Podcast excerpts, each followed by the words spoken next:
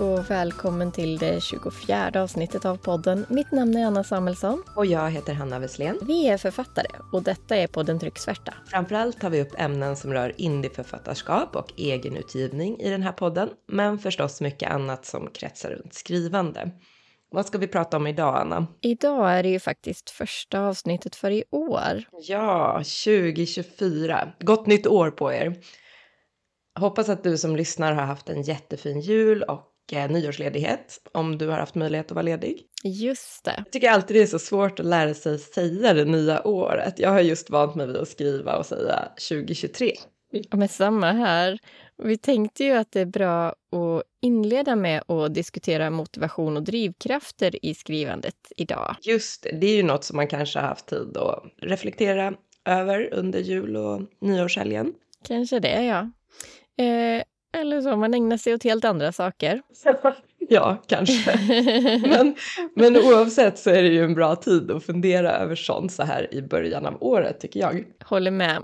Så idag kommer vi diskutera vad motivation och drivkrafter betyder för skrivandet och olika typer av motivation. Ja, och eh, så kommer vi förstås att dela våra personliga erfarenheter kring det här med motivation och drivkrafter i skrivandet. Vi har även en del kommentarer från andra som skriver och eh, lyssnare som vi tänkte läsa upp. Precis, det är alltid roligt att höra hur andra tänker och alltid får man något tips eller idé att ta med sig. Ja, verkligen. På något sätt så tror jag det är viktigt att hitta liksom det här sitt varför i skrivandet. Det är ju inte superlätt alla dagar att sätta sig vid datorn och skriva massor av ord. Man kan eh, tvivla och fundera på varför man egentligen lägger tid på det här. Ja, så har säkert alla som skriver känt någon gång eller eh, många gånger. Mm. Men eh, vi kommer ju in lite också på strategier för att övervinna sådana hinder och, och så senare i avsnittet. Innan vi kommer in ordentligt på det här med motivation och drivkrafter i skrivandet så måste jag ju få höra, hur har din jul och nyår varit? Åh, den har varit bra tycker jag med familj och släkt och vänner och vi hann till och med åka lite skidor upp i Dalarna så det var riktigt vintrigt. Åh, vad härligt. Har du hunnit med något skrivande då? Jag skrev lite grann, det gjorde jag. Så pass att jag bara hade ett kapitel kvar att skriva vid årsskiftet. Plus att jag redigerade en del då. Så det var väldigt skönt att komma så pass långt. Ja men gud, det förstår jag. Det låter ju jättebra. Och eh, det låter ju också som att du har hunnit eh, ja, men slappna av och vara ledig också. Det är ju också viktigt. Ja, det är det. Hur var jul och nyår för din del? Ja, men det har varit härligt. Det har varit jättehärligt. Jag var i um, Åre med familjen och åkte skidor varje dag, både, både längd och utför. Lite snowboard också. Mm. Uh, och så firade vi nyår med några kompisar och jag hann med en fika tillsammans med en annan författare, Annette Jakobsson, som har skrivit Tvillingblod och det var väldigt trevligt att träffa henne. Mm, kul! Han du med något skrivande också däremellan då? Ja, absolut. Jag körde mina morgonpass när alla andra sov. men alltså jag måste säga att jag kom inte alls så långt som jag trodde att jag skulle göra. Eh, råmanuset till tredje delen i Nepalsviten är inte klart, vilket jag ju planerade att det skulle vara. Ja, men så kan det ju vara. Ja, och det berodde dels på att jag prioriterade om lite. Jag höll ju på att spela in ljudbok till eh, Jul på Sägenevik. Och det tog ju förstås mycket längre tid att redigera än vad jag trodde. Såklart. Eh, så jag gjorde klart det först. Eh, och det var, det var verkligen jätteroligt att spela in och redigera ljudbok. Så det kommer jag definitivt göra mer framöver. Vad kul att du genomfört det. Uh, och det här med att producera ljudböcker måste vi prata om vid tillfälle mycket mer. Mm. Uh, och had, du hade en signering också, eller hur? Ja, uh, jag passade på. Jag var på ICA i Åre i början av januari. Det är en väldigt trevlig butik. Och ja, det var så roligt att vara där. Men jag måste nästan berätta vad som hände på vägen dit. Ja. jag skulle ju vara där klockan två och det ligger alltså i centrala Åre vid stationen där. Och vi bor i Björnen så det är kanske sex kilometer eller något sånt där, tar tio minuter med bil ungefär. Så vi hoppade in i bilen och jag lassade in massa böcker, min roll-up och ett bord som jag skulle använda. Och eh, det var minus 20 grader den här dagen, så gissa vad som händer. Mm, eh, bilen startade inte. Nej, den var helt död.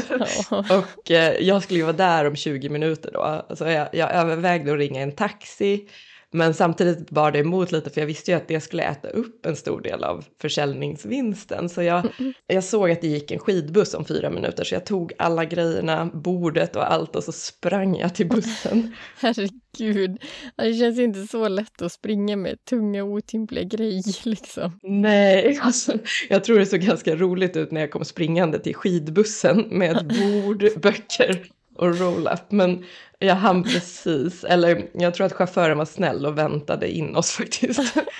Vilken tur, ja, väldigt bra eh, prestation att springa med det. Dedikerad. Ja. Gick det bra på signeringen då? Ja, absolut. Och det bästa som hände var nästan att en läsare som jag inte känner eller så eh, kom fram och berättade hur mycket han gillade sprickan i fasaden och att han hade önskat sig brickan i spelet i julklapp och också fått den av sin fru eh, i julklapp. Så då blev jag jätteglad. Den är väl så fint? Ja, det är jätteroligt med sån återkoppling. Ja, ja verkligen. Det, det, det är motiverande. Ja. Men ja, så nu arbetar jag ju vidare med råmanuset då. Så jag, jag känner mig ganska nöjd när jag tittar igenom vart det är på väg i alla fall. Även om det är ja, men lite försenat eller vad man ska säga. Ja, men eh, bättre bra än eh, snabbt och slarvigt. Precis. Men jag kom på en viktig sak som har hänt dig som inte du har nämnt. Eh, jag såg ju att du har fått en recension från BTJ också. Det måste du berätta om. Just det, ja. Jag tänkte ju att jag skulle skicka in den här friluftsboken till BTJ. För många böcker blir ju som bekant inte recenserade av dem trots att man skickar in. För det är ganska mycket som skickas in så att det är väl förståeligt såklart. Mm. Eh, min första blev till exempel inte recenserad men nu tänkte jag att jag chansar igen här. och plötsligt fick jag ett mejl från min distributör och ja, mina händer skakar ju så jag knappt kunde öppna mejlet. Ja men gud, det förstår jag. Det, det, det skulle nog mina Om det är någon lyssnare som inte vet vad BTI är så kan vi förtydliga att det är en, en förkortning av, för bibliotekstjänst. Och många bibliotek köper in böcker baserat på deras recensioner. Och de har ett häfte som kommer ut varannan vecka. Och som Anna sa, då, de får ju in väldigt många böcker så det är inte säkert att man får en recension bara för att man skickar in. Och det är inte heller säkert att man får en bra recension förstås. Nej, precis. Och, och jag brukar ju inte bli så nervös heller. Men ja, det där. så ja, recensionen kommer i BTJ-häfte nummer två i år. Den här veckan alltså. Men eh, den har redan kommit ut digitalt. Wow, det är superspännande. Vill du läsa upp något från den? Ja, det kan jag göra. Det är lektör Helena Sjöblom som skriver att jag, citat, ger både inspiration och användbara tips till att vara ute i naturen med barn Vidare skriver hon med tydliga och välskrivna texter går författaren igenom de viktigaste temana för utevistelser och resor. Boken har en tilltalande layout med fina färger och många härliga färgfotografier tagna av författaren själv. Det är ju fantastiskt bra. Hon berömmer både, både bilderna och layouten och texten. Det, är, alltså, det där är ju så bra det kan bli nästan, tänker jag. Ja, jag är väldigt... Ja, jag är jättenöjd. Sen har hon förstås beskrivit handlingen lite och skrivit mer om boken, liksom mer faktamässigt vad den innehåller och så. Eh, men när man citerar så är reglerna sådana att man inte får återge ett BTJ-citat i sin helhet, så därför gör jag inte det. Mm. Men hon skrev inget negativt eh, och inga förbättringsförslag eller liknande, utan det var verkligen odelat positivt och det kändes väldigt kul. Och boken fick också omdömet mycket bra, alltså en fyra. Ja, det, det är otroligt bra, jättekul.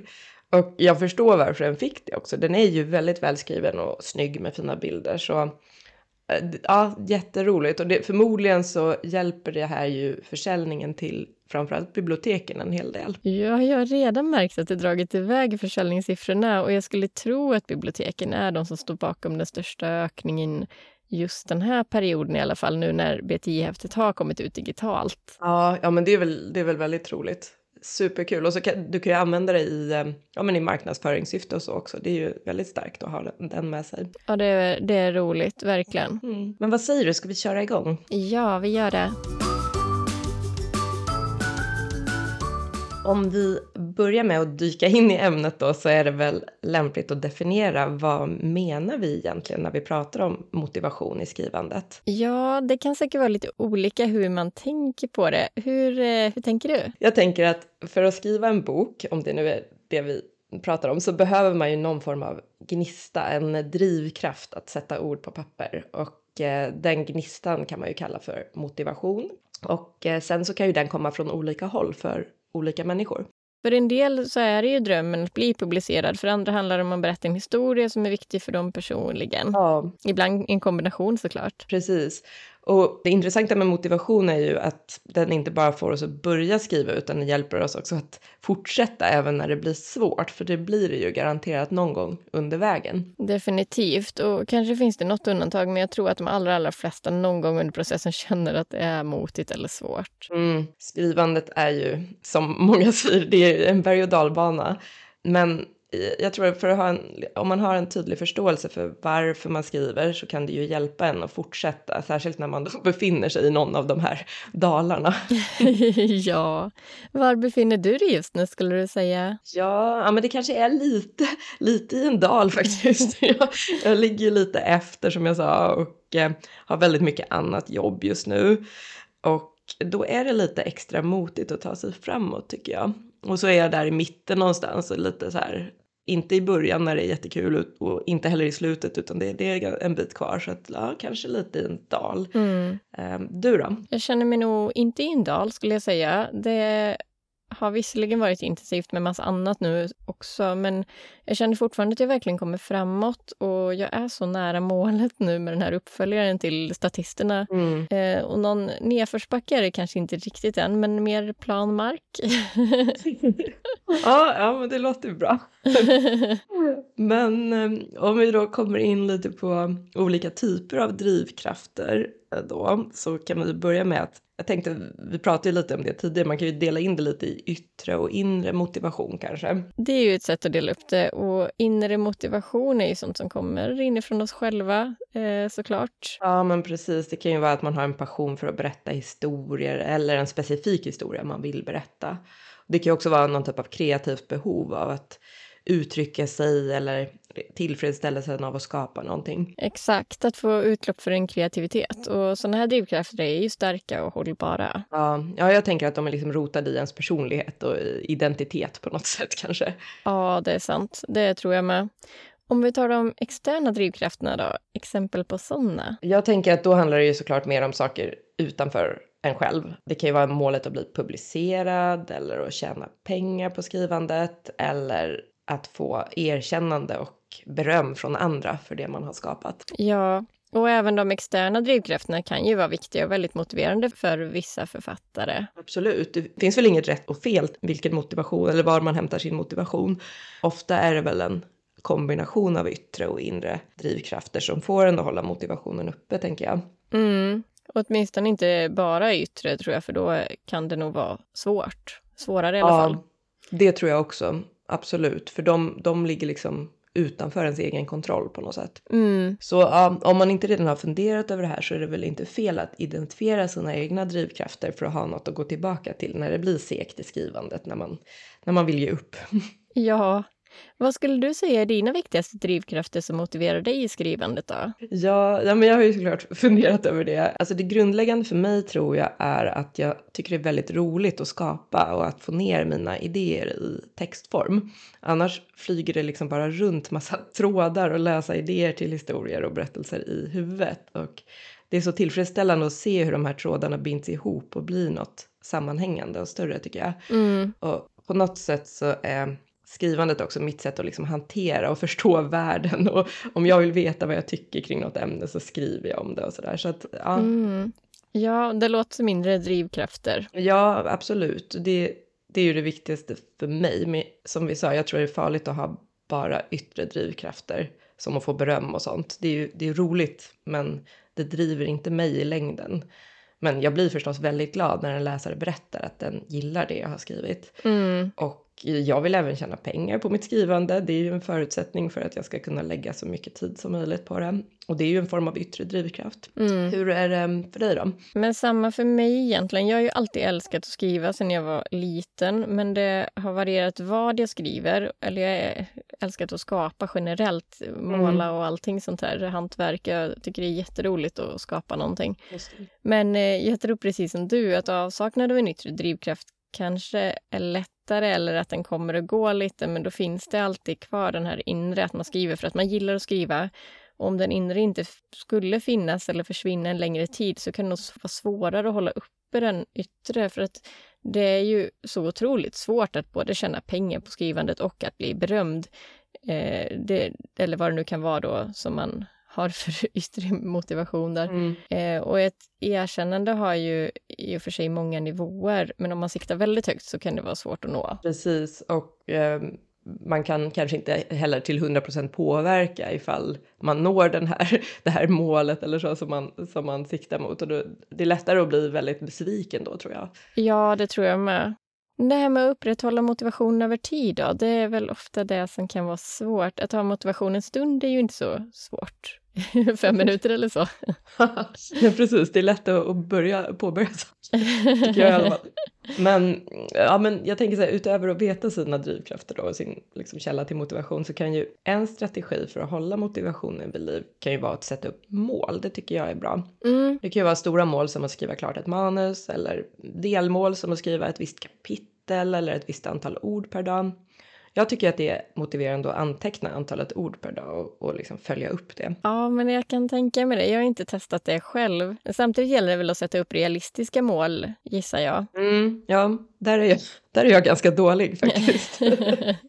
jag, jag, jag gick ju tillbaka och kollade på mina mål från förra året och förra året, för året så lyckades jag sätta upp realistiska mål för året som helhet. Men när jag sätter upp delmål så är jag ofta alldeles för ambitiös.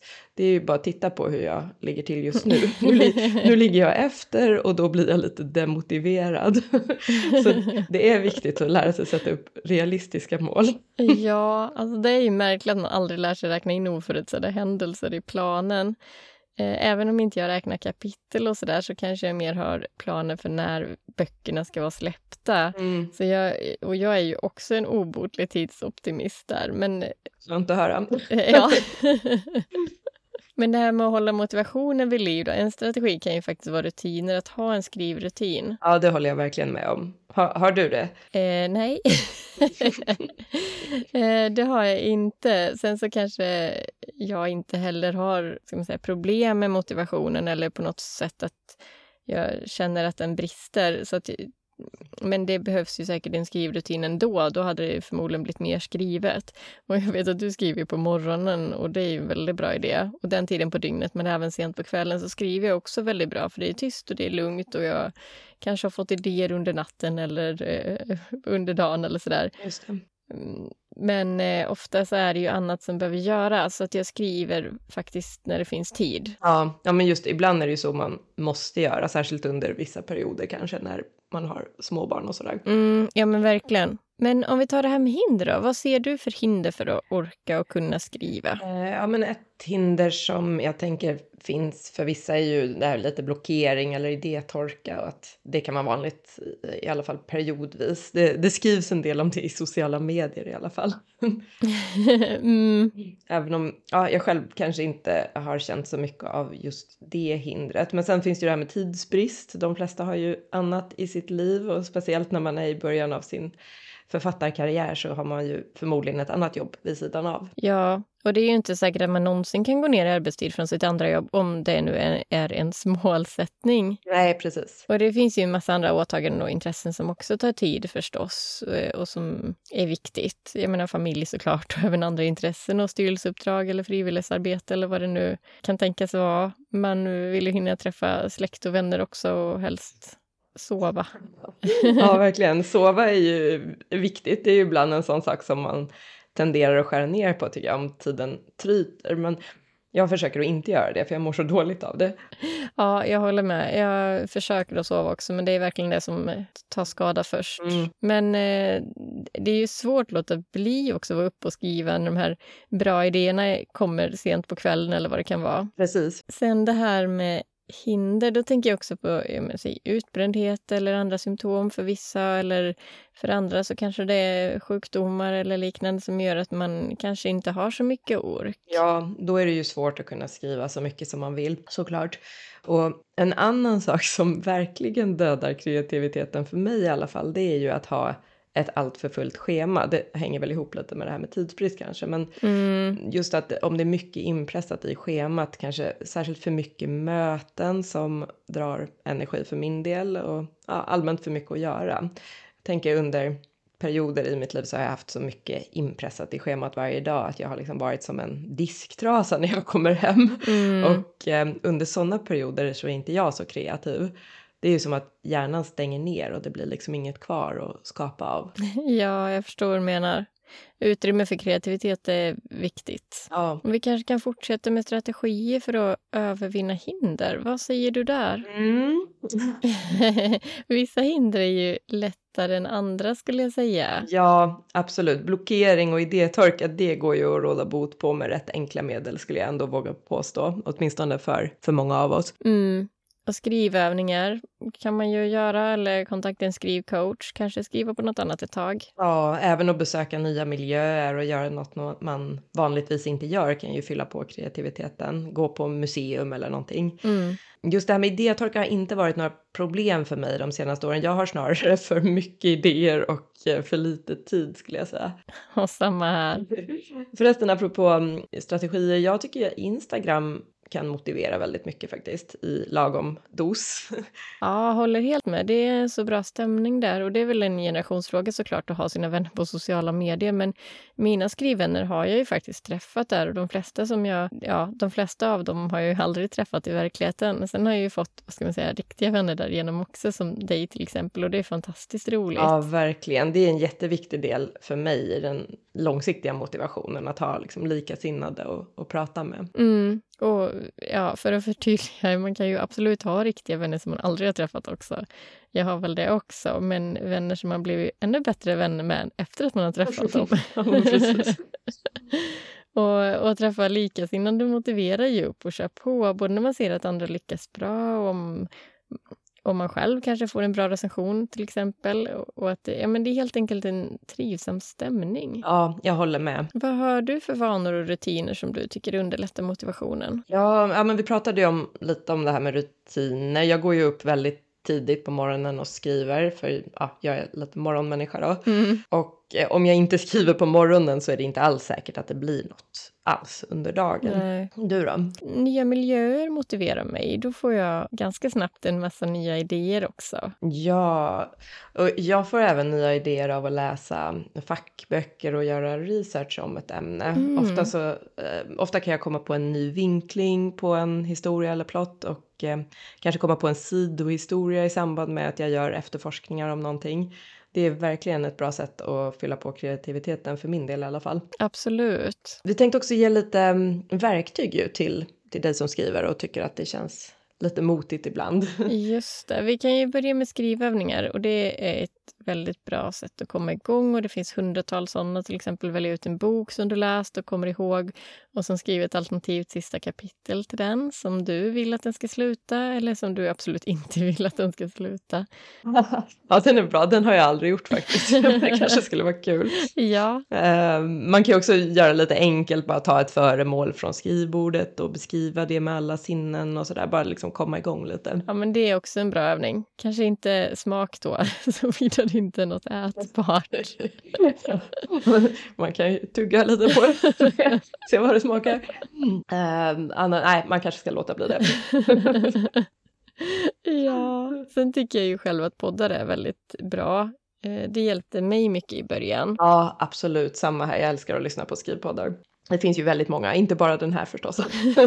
Men där får man ju liksom lite sällskap och tips och en del nya tankar. Det kan hjälpa mycket tycker jag. Mm. Eh, och böcker också. Har du någon favorit att tipsa om? Eh, Kristina Olssons skrivboken tyckte jag ju var väldigt bra. Den låg på en eh, lagom nivå som var den trevlig att läsa också. Du då? Mm, jag gillar ju att läsa alla möjliga typer av skrivböcker.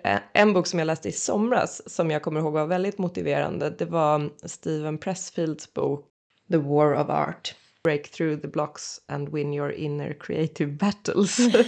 Ehm, jag kände mig liksom väldigt motiverad att jobba på när jag läste den. Kul. ja, och en annan som jag verkligen rekommenderar är uh, The Successful Author Mindset av Joanna Penn. Mm. Tyvärr, jag tror inte att någon av dem finns översatta tyvärr. Jag Nej. kollade snabbt, jag tror inte det. Men, men de är väldigt bra båda två i alla fall. Finns på engelska i alla fall. Mm. Vilka verktyg skulle du rekommendera då, utöver det som vi har sagt nu? Ja, men det är ju alltid roligt att lära sig något nytt och utvecklas, eh, tror jag många tycker. Så att jag skulle nog säga gå en kurs digitalt eller liksom på riktigt. man ska säga.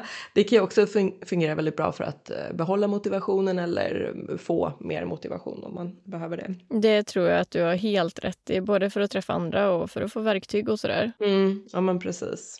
Det, kan det finns ju också lite, ja men ifall man motiveras av att se antalet ord man har skrivit lite som jag gör så finns det ju bra verktyg. Man kan ju, dels kan man ju bara skriva upp det själv i Excel eller någonting men det finns ju bra verktyg också till exempel i Scrivener tror jag det finns en sån funktion som jag i och för sig inte har använt men det finns. Mm, Och sen finns det ju på eh, NaNoWriMos hemsida också en bra så här, ordräknare eller vad man ska säga som, som jag använder. Den tycker jag är motiverande. Mm, mm. Men eh, vi hade ju lite, vi har ju fått lite mm, kommentarer från lyssnare också. Ska vi gå in lite på deras, eh, vad de har sagt kring det här med drivkrafter och motivation? Ja, det var jättekul att många hörde av sig. Och först tänkte jag läsa upp några rader från författaren Beatrice Samuelsson som skrivit Doften av kardemumma. Det är alltså ingen släkting till mig så vitt jag vet. Vi råkar bara dela efternamn. Just det. Men eh, hon skriver jag blir oerhört motiverad av att sträva mot ett mål. Då det gäller skrivandet handlar det främst om att sträva mot en färdig bok. Att få bygga något från grunden med hjälp av fantasi och inlevelseförmåga och ord är det bästa som finns. Ja, ja, men intressant. Det låter väldigt bekant för mig. Jag håller med om båda de delarna som hon tar upp faktiskt. Mm. Absolut. Men jag gillar verkligen också sträva mot ett mål, att få slutföra en uppgift. Liksom. Det är väldigt tillfredsställande att arbeta i projektform, eller vad man ska kalla det här skrivandet. Mm, jag håller med. Det är jätteroligt att få påbörja ett projekt, men också väldigt skönt att få avsluta ett projekt tycker jag. Alltså det, jag gillar också att det finns det här en början och ett slut och liksom en, en process. Men jag tycker nog att det är som, jag tror att jag tycker det är som jobbigast precis innan man avslutar, när allting ska gå ihop. Och Mm. eh, då, då kan jag få lite panik. Ja, men samma här. Där är ju uppförsbacken väldigt brant. Ja. Eh, sen har vi en kommentar från en eh, kvinna med namnet på Instagram då, ingen författarinna, som skriver att eh, skrivandet drivs av lusten att skapa och använda min fantasi och kreativitet. Tidigare har jag haft en rastlöshet i mig som jag inte vetat hur jag ska hantera. När jag började skriva förstod jag att rastlösheten berodde på en inneboende kreativitet som jag inte fick utlopp för. Ah, ja, och, och det kan ju vara jättesvårt att veta vad en sån rastlöshet beror på. I, I det här fallet hittade hon den ju, men det kanske inte är så självklart. Nej, nej men precis, jätteskönt att, att hitta vad det berodde på. Och jag, jag tror att det där eh, inte är helt ovanligt faktiskt, att, eh, att man känner så. Nej, har du också känt den här rastlösheten? Mm, jag vet jag skulle, nej jag är nog ingen rastlös person. Jag har liksom ganska lätt att, att komma till ro med olika saker, vad man ska säga. Men, men jag kan absolut liksom också känna mig missnöjd eller vad man ska säga om jag inte får skapa någonting. Det, jag trivs inte riktigt då så det, ja, det, det, det kanske är en rastlöshet, jag vet inte. Um, du då? Eh, ja, men jag behöver också få skapa en svårdefinierad känsla. Kanske mer frustration och inte få utlopp för skapandet eller brist på tillfredsställelse för att man inte har hittat eh, sin grej eller vad det nu kan vara. Mm. Om man har en idé så kan man inte riktigt få ner den eller veta vad det handlar om. Precis, precis. Sen har Molly Eriksson delat med sig av sina tankar också. Hon är ju författare till boken Kaninhjärta och som vi intervjuade i det sjätte avsnittet av podden. Och hon skriver att för mig har skrivandet många funktioner och anledningar. Verklighetsflykt, det är roligt, ibland på ett nästan beroendeframkallande sätt. Eh, Och det är ett sätt att processa känslor och upplevelser. Mm. Ja, men jag håller helt med där också. Det är ju väldigt härligt när man får den här känslan av flow eller vad man ska säga, när man är helt inne i skrivandet. Då glömmer man ju allt annat en stund. Ja, det är härligt. Sen har vi också Ragnhild Skrivare som hon kallar sig på Instagram. Eh, Hon har gett ut Sagan om Seiri och hon skriver Min drivkraft är berättandets lust och glädje. Till att börja med skrev jag för att det roade mig och för att olika scener dök upp i min fantasi. Sen flätade jag ihop allt till en sådan bok som jag själv skulle vilja läsa. Att den blev utgiven var en bonus men också en sporre. Så nu vänder jag mig till alla som vill läsa om starka kvinnor i medeltidsmiljö. Jag har fler utgivningar på gång med samma tema, skriver hon också. Men det känns som att det här med nöjet återkommer där från det som Molly skrev, att Ragnhild också betonar att det är roligt att skriva och det är nog väldigt viktigt. Ja, håller med. Det är, det är grundläggande verkligen och det, det återkommer ju faktiskt i alla de här kommentarerna. Kanske ja. inte så förvånande, men, men eh, det är nog där det måste börja någonstans. Ja, absolut.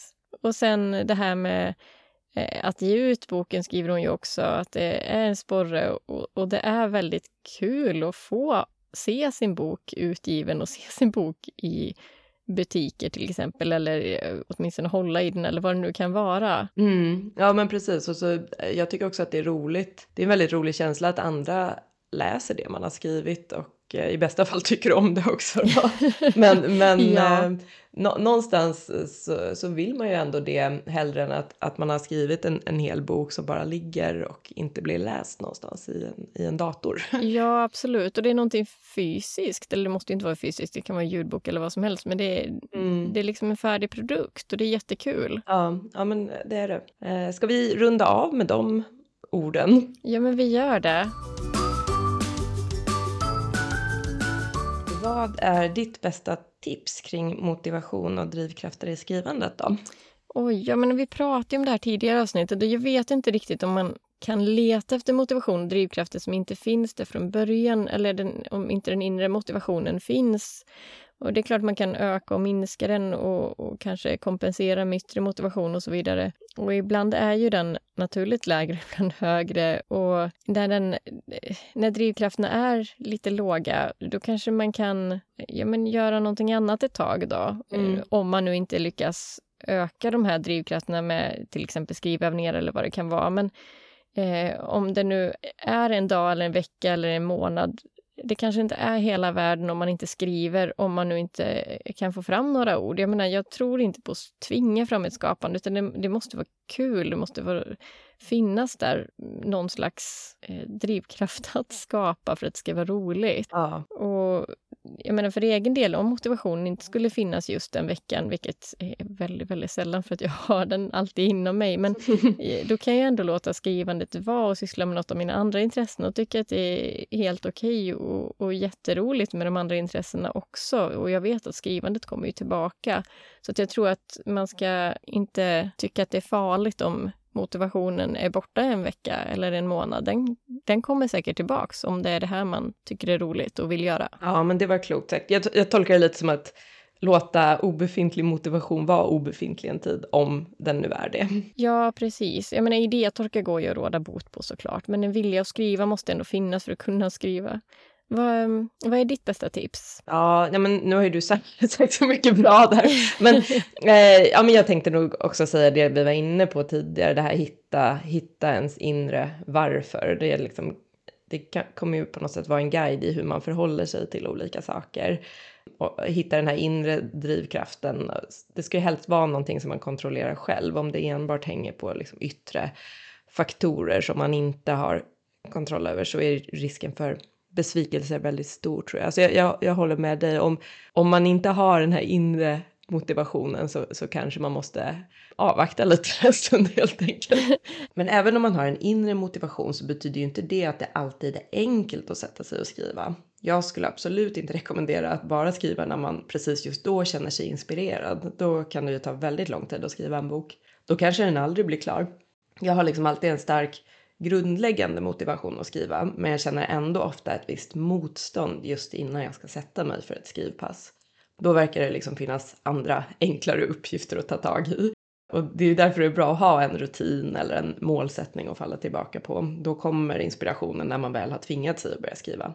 Men det bör ju också finnas en bakomliggande inre motivation, om du förstår vad jag menar att man skriver för att det ger något i sig själv. Ja, för man ska skriva för sin egen skull och sen så kanske det följer en massa roliga saker på det. Men det är lätt att bli besviken om man vill bli nästa världskändis inom litteratur och få Nobelpriset. För det kan faktiskt vara svårt att sälja hundra böcker också beroende på omständigheterna eller 50 eller vad det nu kan vara. Då. Men sikta högt kan man göra såklart, men det kanske inte ska vara drivkraften eller den enda drivkraften, precis som du nämnt.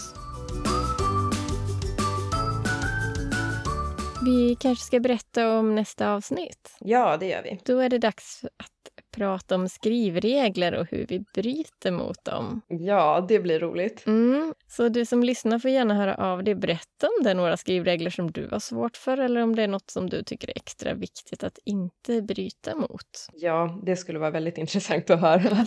ja. Och om du undrar över något som vi pratar om idag eller kanske har frågor eller kommentarer så skriv gärna till oss på podden trycksvarta@gmail.com eller på Instagram där vi också heter podden Trycksvarta. Precis, och hoppas att du som lyssnat fått med dig lite tips kring motivation och drivkrafter i skrivandet eh, eller börja fundera på din egen motivation och drivkraft.